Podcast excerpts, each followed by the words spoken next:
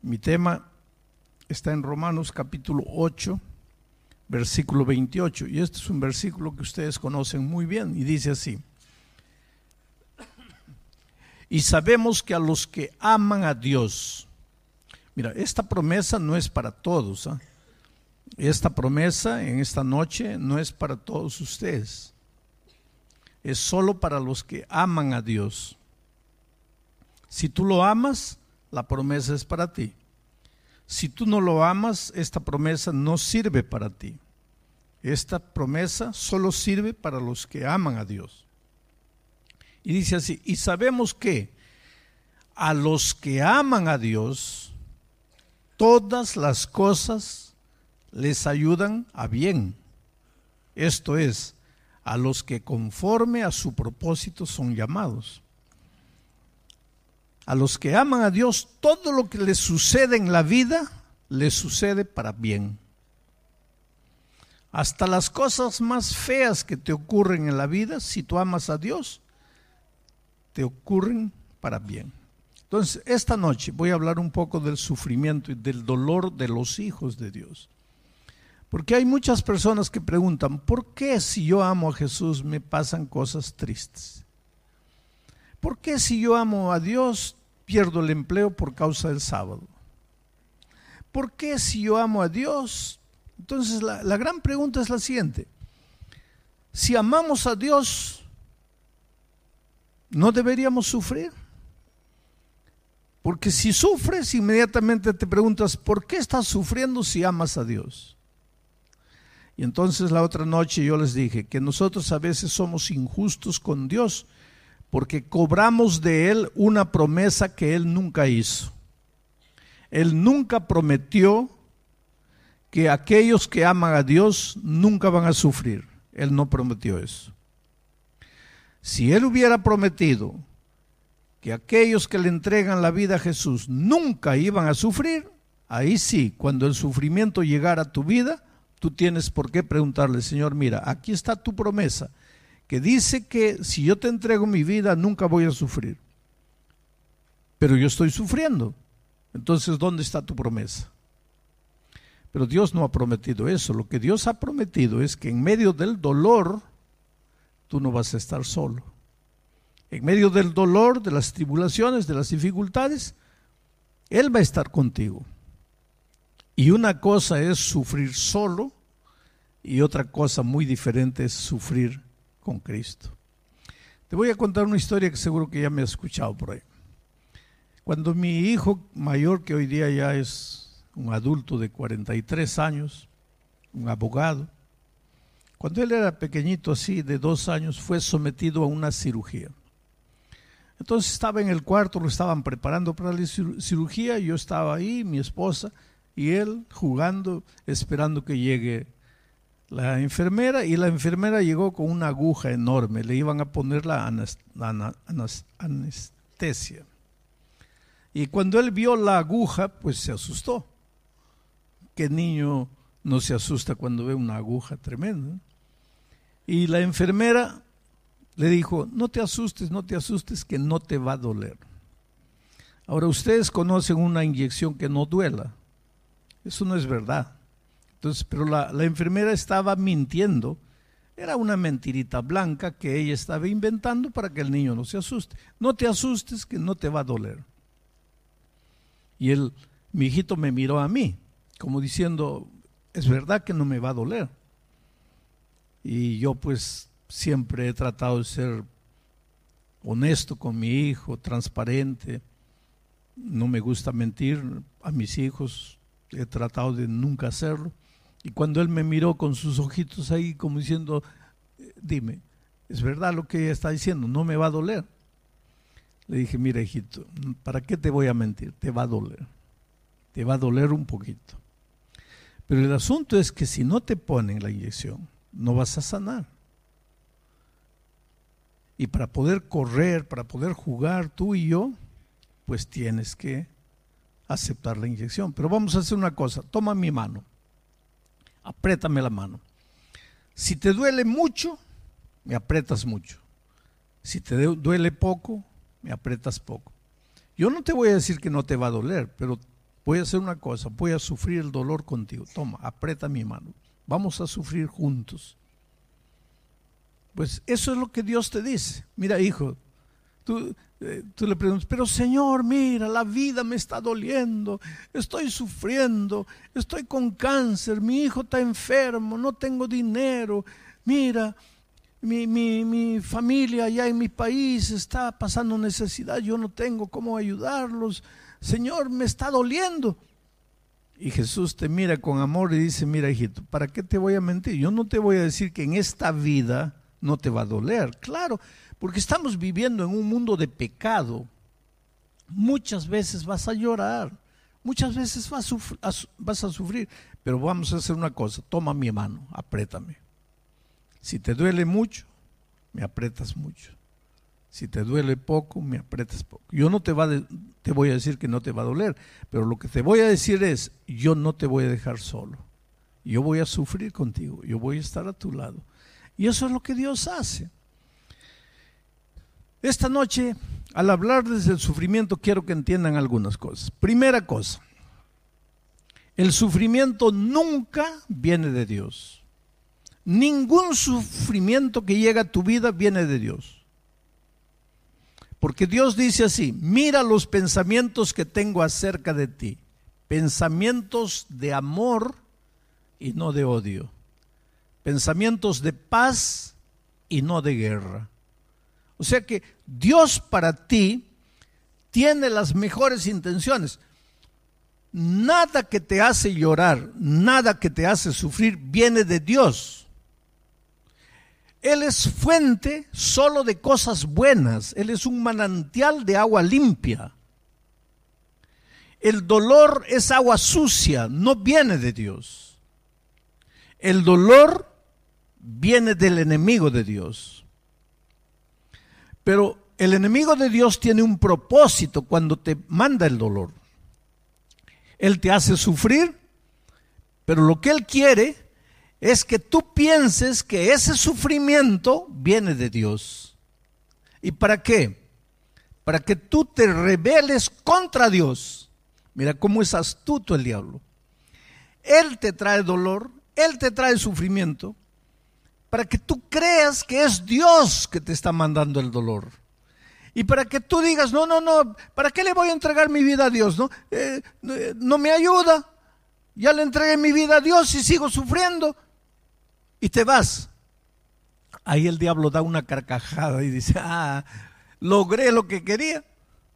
Le mandé dolor para que piense que es Dios que le manda y él efectivamente está pensando que Dios le manda ahora se volvió contra Dios y yo gané. Ese es el diablo. Y la teología de eso está en el libro de Job. Porque cuando Job se acerca a Dios, le dice, Job, ¿tú crees que te, adora, te ama, te respeta? No. Job es un interesado de primera. Pues si tú le das hacienda, le das hijos, le das dinero, le das ovejas, le das ganado, uh, así cualquiera te sirve. Pero quítale, quítale, para que veas si no te maldice. Ahora, mira, escucha la palabra del diablo.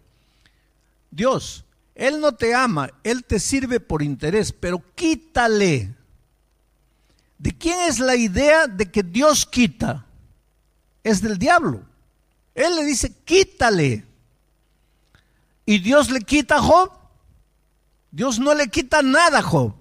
Lo que Dios hace es le dice, pues pruébalo, pruébalo. Solo te pido una cosa, no toques su vida. Su vida es mía. Tú puedes probarlo, pero no puedes tocar su vida. Ahí viene el diablo y le manda todas las plagas que y lo, lo deja al pobre joven la lona sus hijos mueren, sus haciendas se queman, su ganado muere, pierde el dinero, le da una sarna desde la cabeza a los pies, la esposa misma ya quiere irse, el pobre se queda ahí sin nada en la vida. Ahí está lo que te estoy diciendo. Dios no le mandó el sufrimiento, porque Dios nunca te manda sufrimiento. porque Dios es un manantial de agua limpia. Dios es un manantial de bendiciones, nunca de maldiciones. El diablo te trae el cáncer, te trae el dolor, te trae la pobreza, te trae la injusticia, te trae el diablo. Pero el diablo hace las cosas de tal manera que tú creas que es Dios que te está mandando. ¿Y para qué? Para que tú reniegues contra Dios y te vayas con Él. Ahora viene la pregunta. Pero Dios no es todopoderoso. Cuando el diablo me manda sufrimiento, Dios no podría evitar que el sufrimiento toque mi vida. ¿Podría o no podría? Claro que puede. Dios es Dios.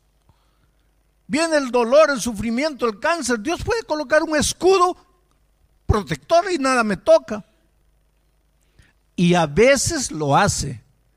Muchas veces lo hace pero otras veces no lo hace. ¿Y por qué no lo hace? Pues esa es una de las cosas que le vamos a preguntar a Dios cuando vayamos al cielo. ¿Por qué a mi hermano impediste que el cáncer lo toque? ¿Y por qué a, mí el cáncer me llegó? Si ambos te amábamos, ¿por qué? Y ahí Dios con paciencia nos va a explicar, mira hijo, es por esto, por esto, por esto. Pero tú preguntas, ¿y pero porque yo quiero que me explique ahora? No, ahora no te va a explicar. ¿Por qué? Porque con tu cabecita humana no vas a entender. Pero cuando Cristo venga, tu cuerpo va a ser transformado.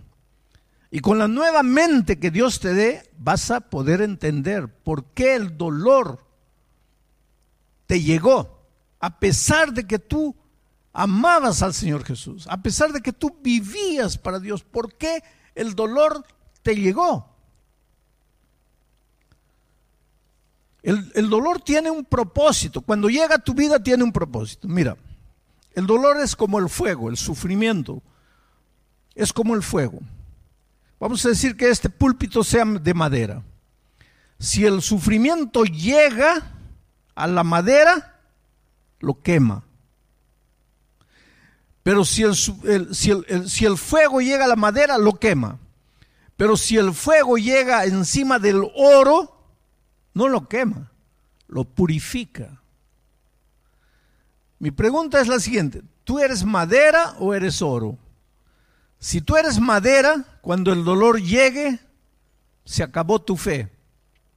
Te acabaste tú. El fuego te va a quemar. Pero si tú eres oro, cuando el fuego del dolor llegue a tu vida, te va a purificar. Vas a salir mejor. Vas a salir más puro. El dolor tiene como propósito hacerte crecer. ¿Alguna vez has hecho ejercicios? Como le dicen ustedes, flexiones de brazos, planchas. ¿ah? Quieres llegar a 100, pero no puedes, llegas a 10 con dolor. Al día siguiente, con dolor llegas a 11. A la semana siguiente, con dolor a 12. A la otra semana, con dolor a 15. A la otra semana ya estás en 20. Ahí llegas a 30. Y un día llegas a 100, pero puro dolor, puro dolor. La vida es así. ¿Tú quieres tener una fe a toda prueba? Pues es a través del dolor. Sentado nada va a suceder, vas a tener que sufrir. El problema con nosotros es que nadie quiere sufrir. ¿Y por qué? Porque Dios no nos ha creado para sufrir. Dios nos ha creado para ser felices. El sufrimiento es una experiencia extraña a nuestra vida. Por eso nosotros no naturalmente no nos gusta el dolor. Pero el pecado trajo el dolor y ya que el pecado entró y ya que el dolor vino, Dios usa ahora el dolor para hacernos crecer, para purificarnos. En lugar de que el, dolor te destruya, tú tienes que decirle a Dios, mira Señor, yo no entiendo por qué estoy sufriendo, pero yo te suplico una cosa, que este dolor me haga crecer. Y hay una cosa, el diablo te puede hacer sufrir un día, dos días, tres días, pero al tercer día tú vas a ver la victoria. Porque el diablo no tiene autorización para hacerte sufrir toda la vida. El dolor puede venir a tu vida, pero si tú en el nombre de Jesucristo resistes, más tarde o más temprano el dolor se va. Y cuando se va el dolor, estás más maduro, estás más fuerte. Voy a contar ahora una experiencia para que tú veas por qué Dios permite que el dolor llegue a la vida. Había una niña en el Brasil de 22 años y se convirtió, aceptó a Jesucristo. Pero los padres no quisieron que ella aceptase a Jesucristo ni que se bautizara. Y la amenazaron con expulsarla de casa si ella se bautizaba.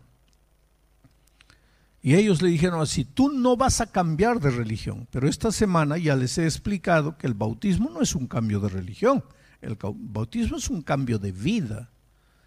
Y ella estaba enamorada de Jesús y dijo, yo quiero vivir para el Señor Jesucristo y aunque mis padres no quieran, yo me voy a bautizar. Y les dijo a los papás, papás, yo los amo mucho, pero yo amo mucho más al Señor Jesús. Y yo no estoy haciendo nada de malo. Yo solo estoy entregando mi vida a Jesús. Voy a ser una mejor hija para ustedes, pero ustedes están contra mí. Papá le dijo, bueno, haz lo que te da la gana y ella se bautizó. Ellos no la expulsaron de casa, pero toda la familia dejó de hablar con ella. Entonces ella entraba, salía de casa, nadie hablaba con ella. Ella se sentaba a la mesa, uno a uno, todos se retiraban. La vida para ella estaba insoportable en la casa. Pero ella se había entregado al Señor Jesús y seguía para adelante. Ahí un día, ella cantaba ahora en el coro de la iglesia, y el coro decidió hacer un viaje de San Pablo a Curitiba, al sur del Brasil. Y de repente se fueron a cantar el, el jueves, salieron, había un congreso allá. Estoy contando de una cosa que sucedió hace unos 40, 45 años. Se fueron a cantar y el jueves antes de partir ella pues entró a despedirse del papá.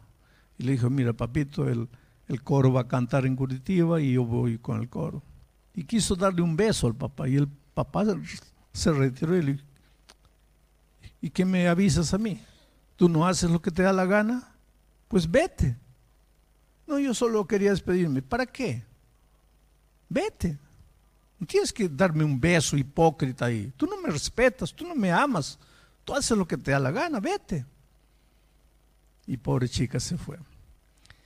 El Congreso fue lindo allá en Curitiba, todo maravilloso. Y cuando están regresando ya, el sábado en la noche, viajando toda la noche para San Pablo, el ómnibus en que venían los muchachos cantando, todos los muchachos eran miembros del coro de la iglesia central de, San Pablo, venían cantando. Y de repente el ómnibus choca contra un camión y un camión que estaba cargado de fierro de construcción. Sabe que 22 jóvenes, el, el ómnibus estaba con 40 jóvenes, 22 de ellos murieron. Al día siguiente los periódicos sacaron una noticia tremenda que decía así, ¿dónde estaba Dios cuando sus hijos cantaban? ¿Dónde estaba Dios cuando ellos estaban alabando el nombre de Dios, ¿dónde estaba Dios que no cuidó al camión? Que no cuidó al ómnibus. 22 muchachos murieron. Fue uno de los golpes más terribles que la iglesia sufrió en el Brasil en toda su historia. 22 cajones estaban en la iglesia, en el velorio. Cuando la hija murió, este señor, que no era de la iglesia, y que siempre pensó que la iglesia le, había robado a la hija, ahora se revoltó contra la iglesia. Apareció el día del velorio en la puerta de la iglesia, gritó, hizo escándalo. Fue terrible, fue terrible. Amenazó con hacer un proceso judicial contra la iglesia y eso y aquello. Y el día del entierro, pues fueron todos al cementerio, los cajones comenzaron a bajar a la tumba, el, hombre estaba ahí, su esposa, sus, los hermanos de la niña, todos estaban ahí. Y cuando comenzaron a bajar a la tumba, los muchachos que habían salido vivos del coro estaban cantando, cantando. cuando venga Jesús nos veremos cantando.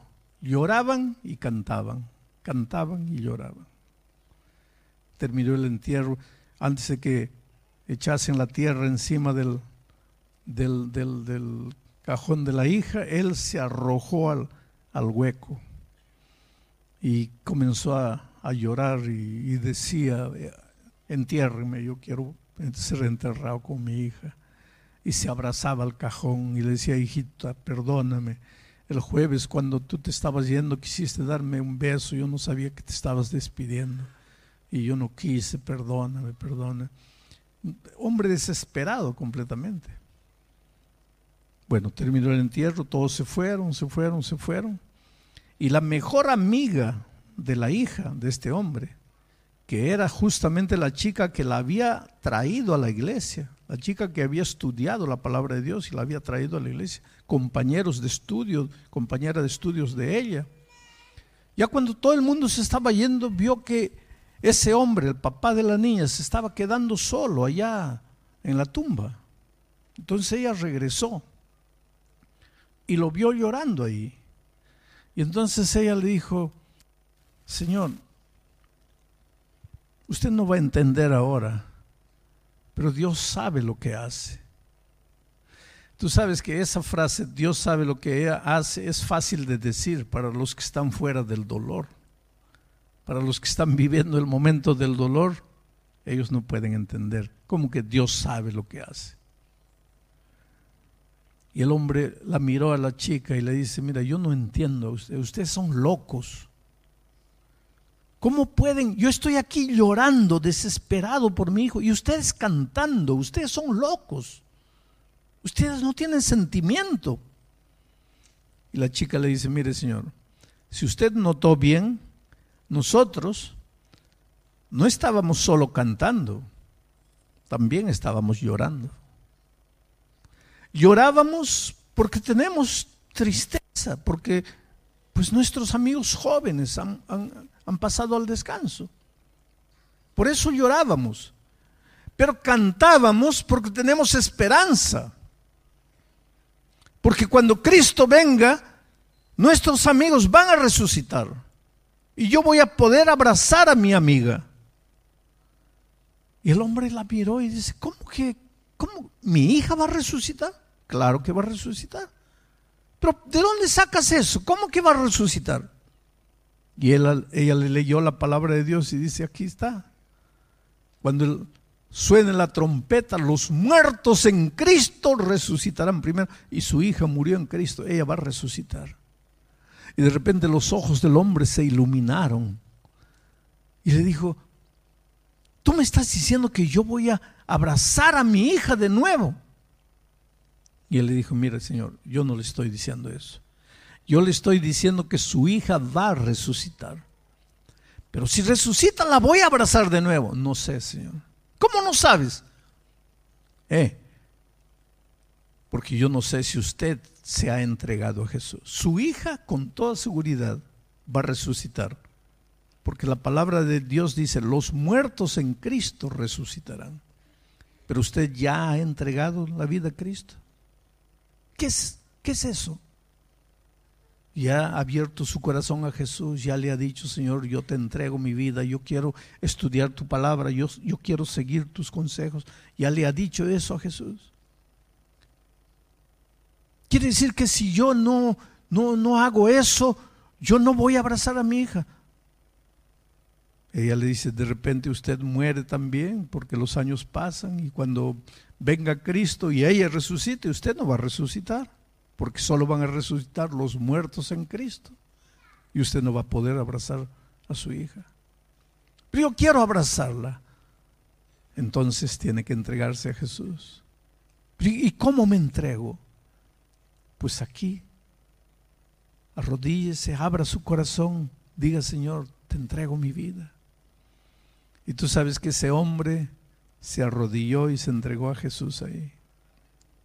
Hoy día él, la esposa y todos los hermanos de la niña muerta están en la iglesia. Yo solo quiero, yo, yo, yo quisiera ver el día en que Cristo vuelva.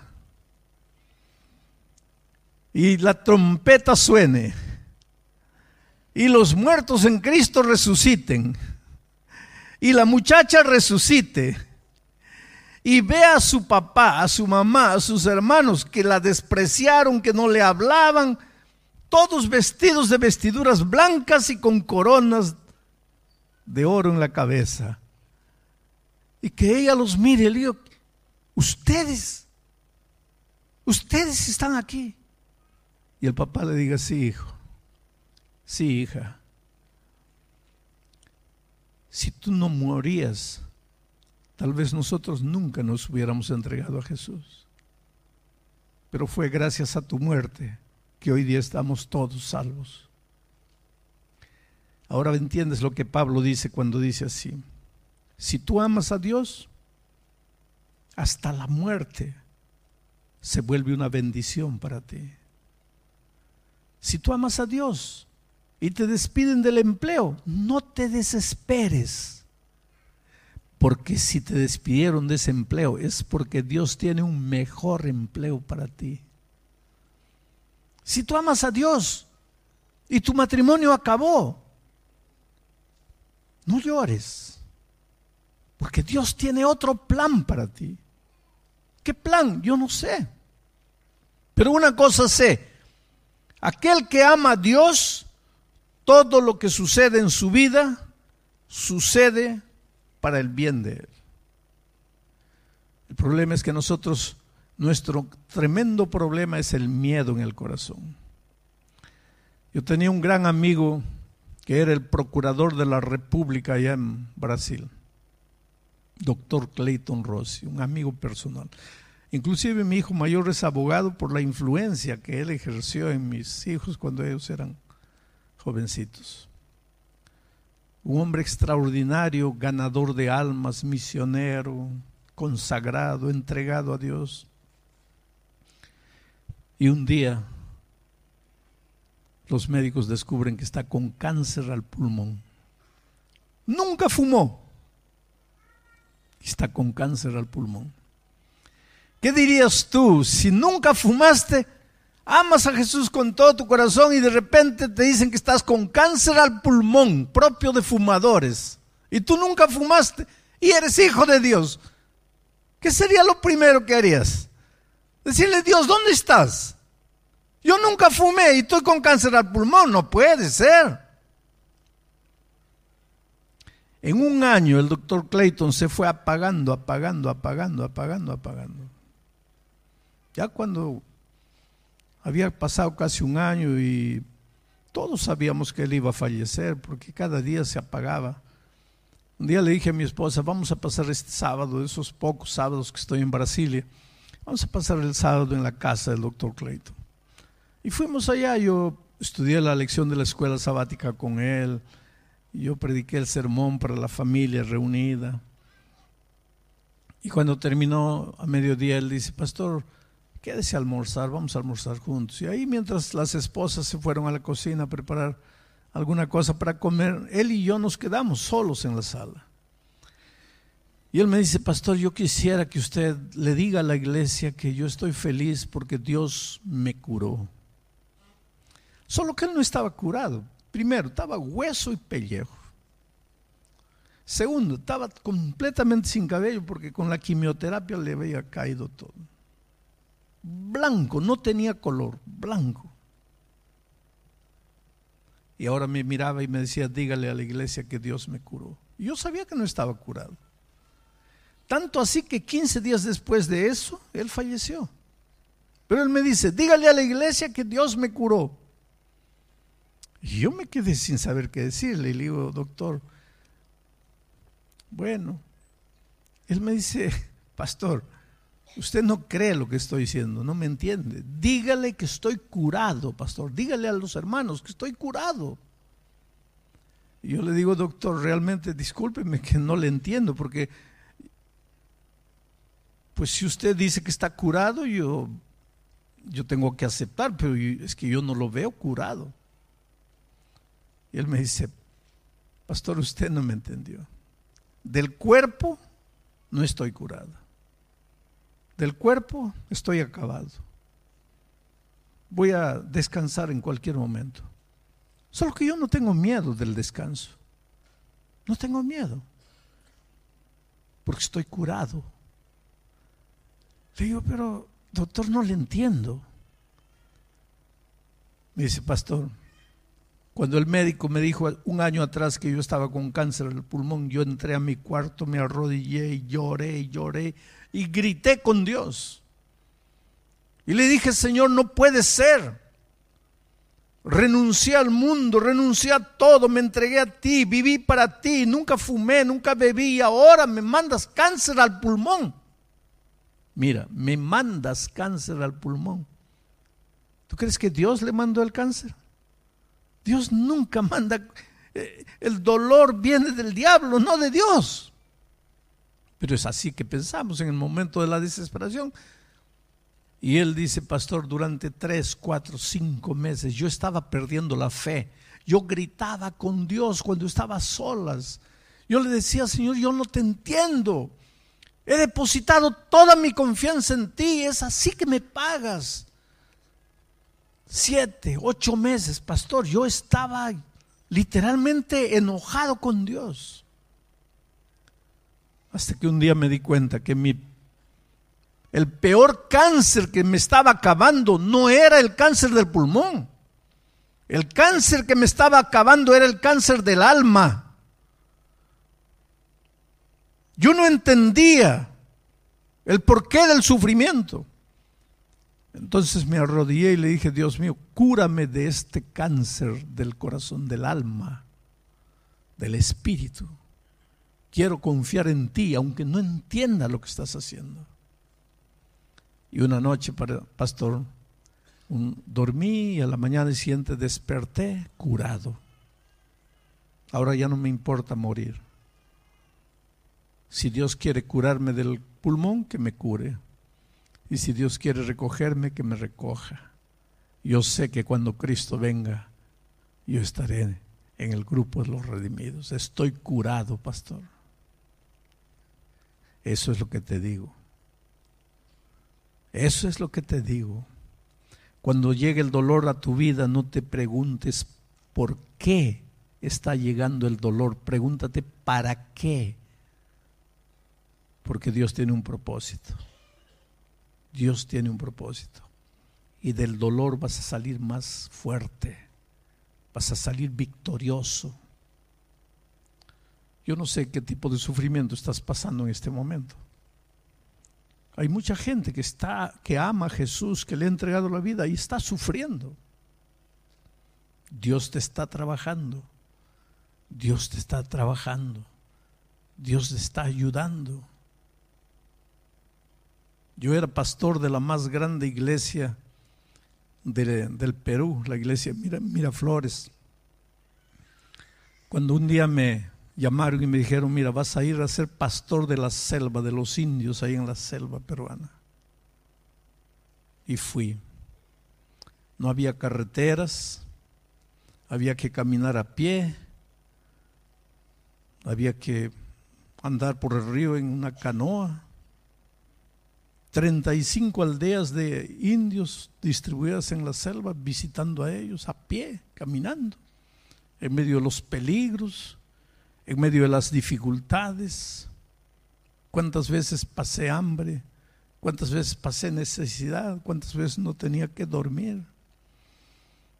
A veces caminando siete, ocho horas ya no, no aguantaba de sed, no había agua encontraba un charco de agua, espantaba los renacuajos, me tomaba esa agua. Otras veces ni, ni, ni charco de renacuajos había, solo había barro. Agarraba mi camisa, colocaba el barro ahí, exprimía y las gotas que caían tomaba de agua. Por eso hoy día yo digo, si una bacteria quiere entrar a mi cuerpo, tiene que pensar 50 veces, porque puede morir dentro de mí. Pero ¿para qué todo esto? Dios me fue preparando. Dios me fue preparando. ¿Para qué? Porque Él tenía un servicio mayor para mí. Él tenía un ministerio más grande para mí. Pero Él me tomó como diciendo así, mira, Si quieres un día llegar, a ser general de división, primero vas a ser soldado raso. Si quieres viajar un día de avión, primero vas a tener que viajar a pie.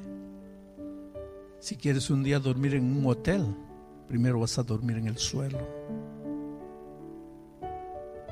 El dolor no llega sin propósito. Entonces lo que estás sufriendo en este momento es porque Dios te ama y porque Dios te está preparando para algo más grande. No reniegues contra el sufrimiento.